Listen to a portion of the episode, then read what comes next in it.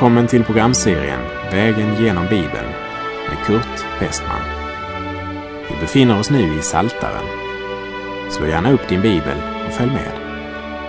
Programmet är producerat av Norea Radio Sverige. Vi har kommit till den första salmen i Saltaren vars tema är två vägar eller människans eviga slutdestination. Den första delen, verserna 1 till och med 3 som vi ska studera närmare i det här programmet, det talar om vad Guds barns lycka består i och vad som väntar Guds barn vid vägens slut. Den andra delen, verserna 4 till och med 6, som vi ska stanna inför i nästa program, talar om det som är salighetens kontrast nämligen vägen borta från Gud och människans undergång. Vi läser Saltaren 1, verserna 1 och 2. Salig är den man som inte vandrar i det ogudaktigas råd och inte går på syndares väg eller sitter på hädares plats utan har sin lust i Herrens ord och tänker på hans undervisning både dag och natt. Saliga äro de som, ja, så började Jesus sin bergspredikan. Och så börjar också den första salmen. Salig är den man. De första verserna säger något om hur den som lever med Gud lever och vandrar i vardagen. Han vandrar inte i det ogudaktigas råd. Det handlar alltså om en konkret praktisk konsekvens. Och här omtalas denna konsekvens både nekande och jakande, det vill säga vad han inte gör och vad han gör. I den första versen ser vi vad en välsignad människa inte gör. Vi kan säga en lycklig människa vandrar inte i det ogudaktigas råd. Lycklig i betydelsen salig, det vill säga en person som äger liv i Gud och genom tron på honom blivit evigt salig och som i honom äger frid redan här och nu. Det är att vara lycklig. Men för den som på ett eller annat sätt kommer bort från Guds väg så finner vi dessa tre steg i den processen. Och här citerar jag ifrån Norsk Bibels översättning där det står inte står på syndares väg. Det börjar med vandrar, sedan blir det står och slutligen sitter. I Galaterbrevet talade Paulus om att vandra i anden. Men den som ska vandra i anden kan inte lyssna till det ogudaktigas råd. För den som gör det börjar lätt att påverkas i sitt liv och sin vandring utan att själv kunna se det. Och har man väl börjat lyssna till det gudlösas råd så blir följden lätt att man stoppar upp och slutar att vandra. Man stoppar upp och står på syndares väg.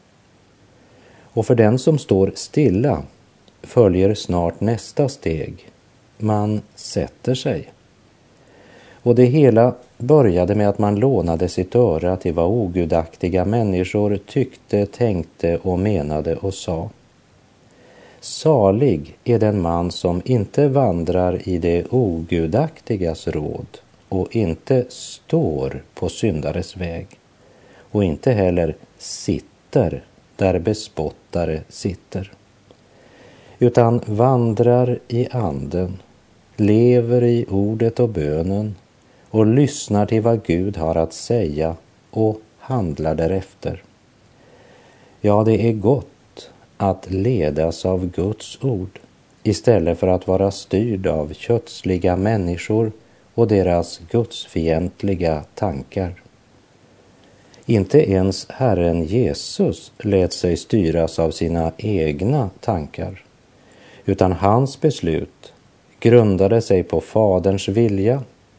Därför levde han alltid i nära kontakt med Fadern och lyssnade till hans röst. Han var alltid beroende av Gud. Jesus sa aldrig till sina lärjungar nu eh, går vi till Galileen igen för eh, jag har tänkt igenom det här och jag är mycket smartare än vad ni är och jag menar vi borde göra så här. Nej, Jesus sa Sonen kan inte göra något av sig själv utan endast det han ser Fadern göra. Ty vad Fadern gör, det gör Sonen. Jesus tillbringade tid med Fadern och visste vad som var hans vilja. När det gällde det ogudaktigas råd så sa Guds ord Säll är den som inte vandrar. Det ogudaktigas tankar är ofta högljudda och vi kan inte alltid undgå att höra dem när vi vandrar genom denna värld. Men våra handlingar ska inte styras av det ogudaktigas tankar. Det har med vår vilja att göra. Vi måste bestämma oss för vad som ska forma våra liv och vår karaktär, vad vi fyller oss med, vad vi väljer att lyssna till. Säll eller salig är den som inte vandrar i det ogudaktigas råd, står det alltså i den första salmen i Saltaren.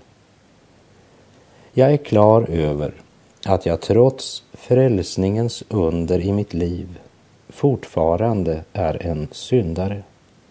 Men jag är en benådad syndare som blivit tvättad ren i Jesu dyra blod och den helige Ande bor i mitt hjärta och därför kan jag inte leva mitt liv i det ogudaktigas gemenskap. Det betyder inte att jag inte har kontakt med ofrälsta människor, men jag sitter inte där bespottare sitter. Det vill säga, jag har inte mitt liv och min glädje bland det ogudaktiga eftersom det inte ger mig något utan bara gör mitt hjärta fattigt och tomt.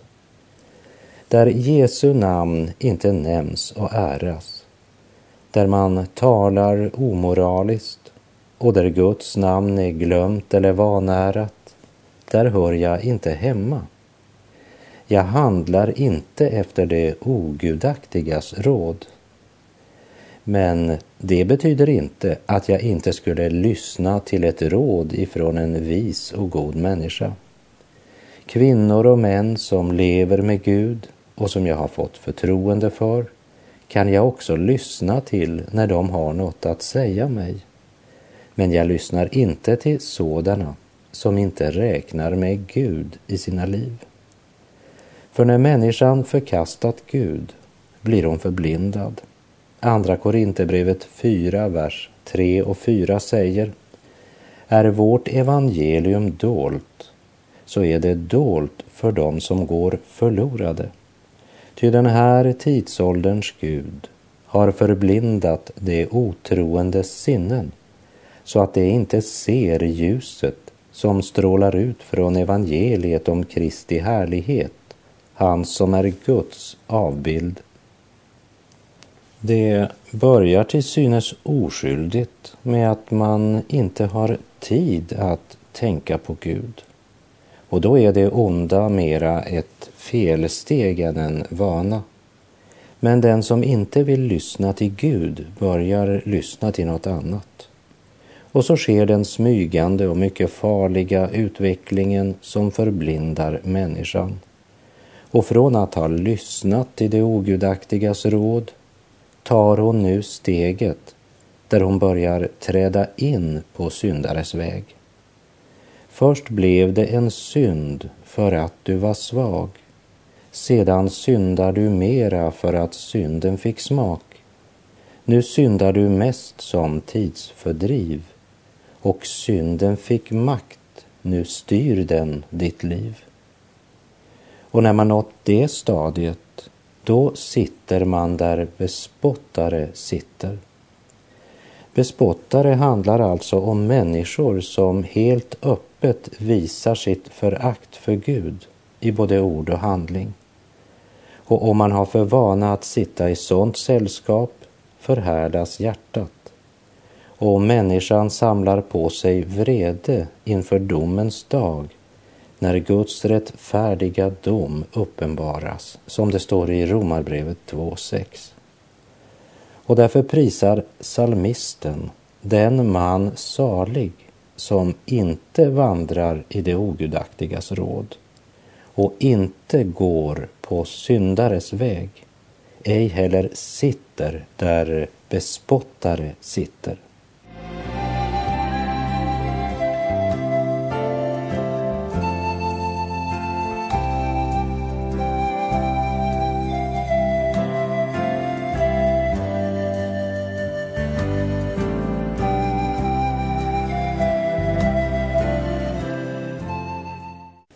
Den första versen talade om vad ett saligt Guds barn inte gör. Vandrar inte i det ogudaktigas råd, träder inte in på syndares väg, sitter inte där bespottare sitter. För den förlossade bruden som tvättats ren i Lammets blod har naturligt nog inte sin gemenskap i de kretsar utan har sin lust i Herrens ord och i det troendes gemenskap där sången om Jesus ljuder och där man vänder sig till Gud i bön, tillbedjan, tack och lovsång. Men efter att ha sagt vad den frälsta och lyckliga människan inte gör så kommer vers 2 och talar om vad den människa är upptagen av som har upplevt frälsningens under i sitt liv. En sådan har sin lust i Herrens ord och tänker på hans undervisning både dag och natt. Och här handlar det inte bara om buden för evangeliet är med helt från början av Bibelns budskap, liksom lagens och evangeliets ord är förenade i det nya testamentet. Salig är den som har sin lust i Herrens ord och tänker på hans undervisning både dag och natt.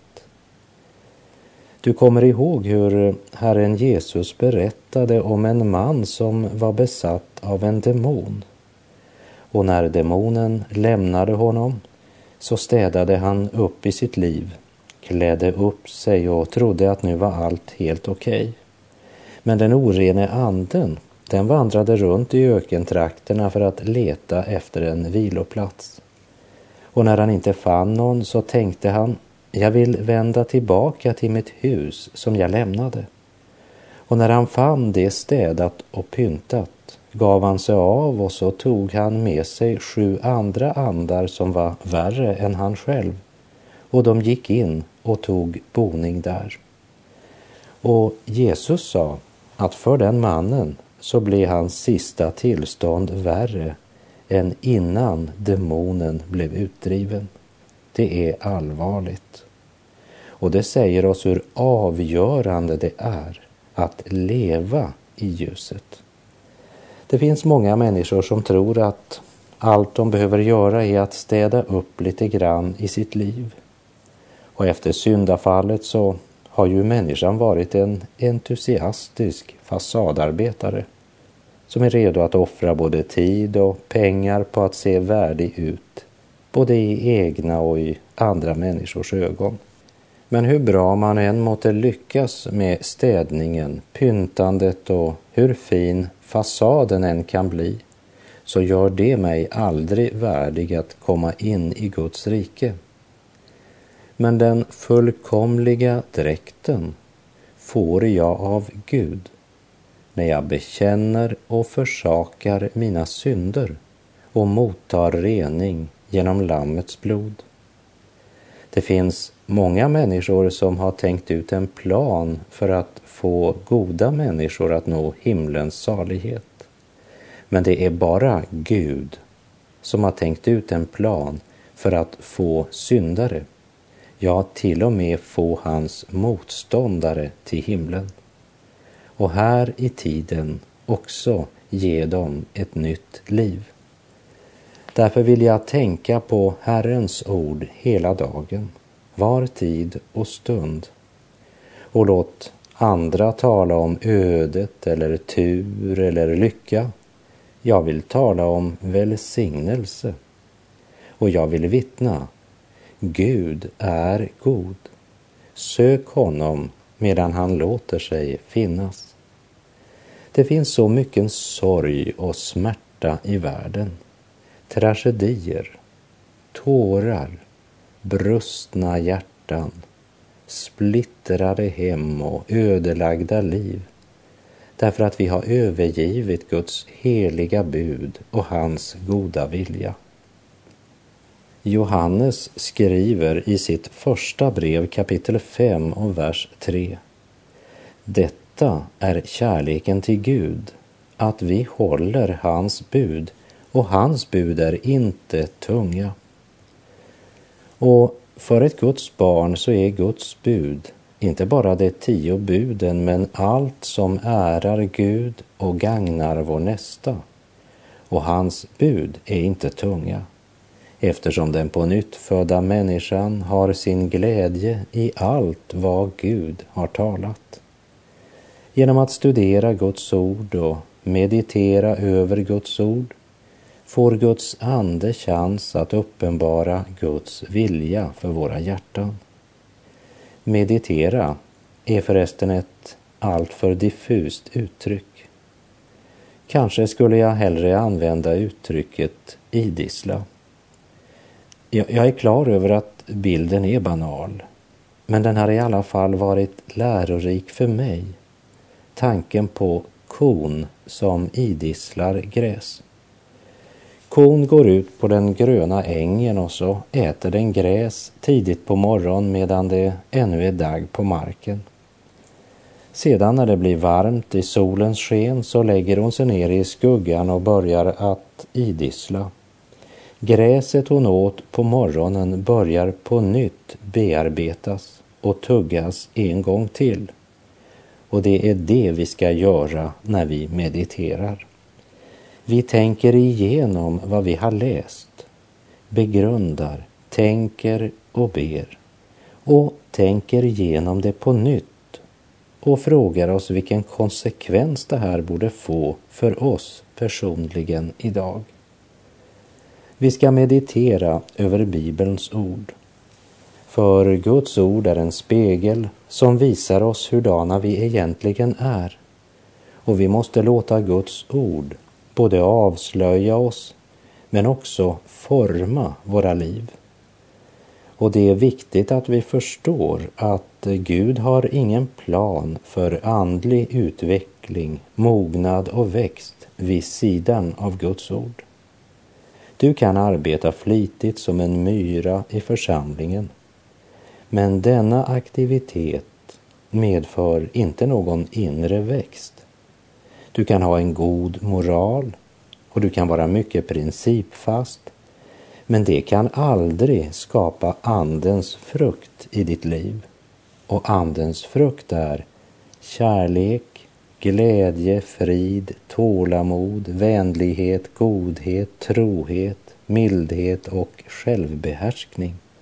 Men om vi har liv genom Anden, låt oss då även följa Anden inte träda in på syndares väg, men vandra i anden.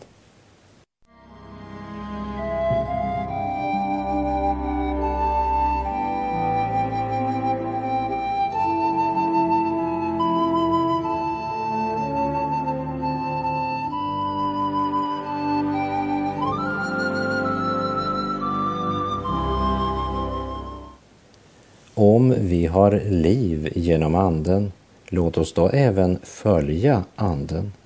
Inte träda in på syndares väg, utan ha vår lust i Guds ord. Studera Guds ord och meditera över Guds ord till dess att det blir en del av vårt liv. För när vi nu kommer till vers 3 i psalm 1 så har salmisten något mer att säga om den människa som inte träder in på syndares väg utan istället har sin glädje i Gud. Saltaren 1, vers 3. Han är som ett träd planterat vid vattenbäckar som bär frukt i sin tid och vars löv inte vissnar. Allt vad han gör, det lyckas väl. Det handlar inte om ett eller annat träd som växer vilt var som helst, utan det handlar om ett träd som är planterat och planterat på en helt bestämd plats vid vattenbäckar. Och det är en god och en härlig bild på på nyttfödelsens under. Herren talar genom profeten Jesaja och profeten säger i kapitel 61 att Herrens ande är över mig. Ty Herren har smort mig till att förkunna glädjens budskap för de ödmjuka. Och han säger vidare att Herren ska trösta alla sörjande och då ska han låta det sörjande i Sion få huvudprydnad istället för aska, glädjeolja istället för sorg, högtidskläder istället för en bedrövad ande. Och det ska kallas rättfärdighetens terebinter, Herrens plantering som han vill förhärliga sig med. Men det gäller inte bara Abrahams efterkommande Israel, men det gäller var och en som tror på Herren Jesus Kristus, Messias, Guds son. Herrens plantering som han vill förhärliga sig med. Meditera lite grann över de orden efter programmets slut. Herrens plantering som han vill förhärliga sig med. Ett uttorkat träd förhärligar inte trädgårdsmästaren. Gud använder inte vildväxta träd. Hans träd är födda på nytt, ryckta upp med rot och planterade vid livets vattenkällor. I Guds egen vingård och Saltaren 65.10 säger att Guds källa har vatten till fyllest. Och den som har sin lust i Herrens lag, han är som ett träd planterat vid vattenbäckar. Vattenbäckar, vad betyder det egentligen? Det är Guds ord. Och nu frågar du kanske, är du verkligen säker på det? Ja, min vän, jag inte bara tror det, jag vet det. Eftersom Jesaja 55, vers 10 och 11 säger Ty liksom regnet och snön faller från himlen och inte vänder tillbaka dit igen förrän de har vattnat jorden och gjort den fruktsam och bärande så att den ger säd till att så och bröd till att äta så skall det också vara med ordet som utgår ur min mun. Det ska inte vända tillbaka till mig fåfängt utan att ha verkat vad jag vill och utfört det som jag hade sänt ut det till. Gud vill att du ska låta hans ord regna över ditt liv. För då kommer också nådens sol att lysa över ditt liv och du kommer att vara som ett träd planterat vid vattenbäckar, vilket bär frukt i sin tid och vars löv inte vissnar. Lägg märke till orden i sin tid. Guds träd bär inte frukt hela tiden, det är det ena. Och kraften kommer från Guds ord, det är det andra. I vår tid som är så präglad av aktiviteter så är det många som säger att den kristnes primära uppgift här i världen är att vinna själar för Gud. Jag kan inte hålla med om det. Det är inte det Guds ord säger. Jag läser Andra Korinthierbrevet 2, vers 14 till och med 16. Men vi tackar Gud som alltid för oss fram i Kristi segertåg och genom oss överallt sprider sin kunskaps väldoft. Ty vi är en Kristi rökelse inför Gud bland dem som blir frälsta och bland dem som blir förtappade. För det senare en doft av död till död, för det förra en doft av liv till liv. Vem räcker till för detta? Ja, det gör i alla fall inte jag. Men detta vet jag. Jag är kallad att så ut Guds ord. Men det är den helige Andes uppgift att föra människorna till Kristus. Och vi har i Norea de sista åren på ett speciellt sätt fått erfara skaror av människor komma till tro på Herren Jesus genom våra bibelprogram på olika språk. Och vi är förundrade över det som sker. Men det är inte vi som gör det. Vi bara sår ut Guds ord. Med stöd av dina förböner och gåvor sår vi ut Guds ord och det vänder inte tomt tillbaka. Den som fyller sitt hjärta med Guds ord, han är som ett träd planterat vid vattenbäckar, vilket bär sin frukt i sin tid och vars löv inte vissnar, och allt vad han gör, det lyckas väl. Och med det så är vår tid ute för den här gången. Jag säger på återhörande om du vill. Herren vare med dig. Låt dig planteras vid ordets vattenbäckar och du ska få erfara kraften i Guds ord när nådens, förlåtelsens och Guds löftens vattenkällor strömmar över ditt liv. Gud är god.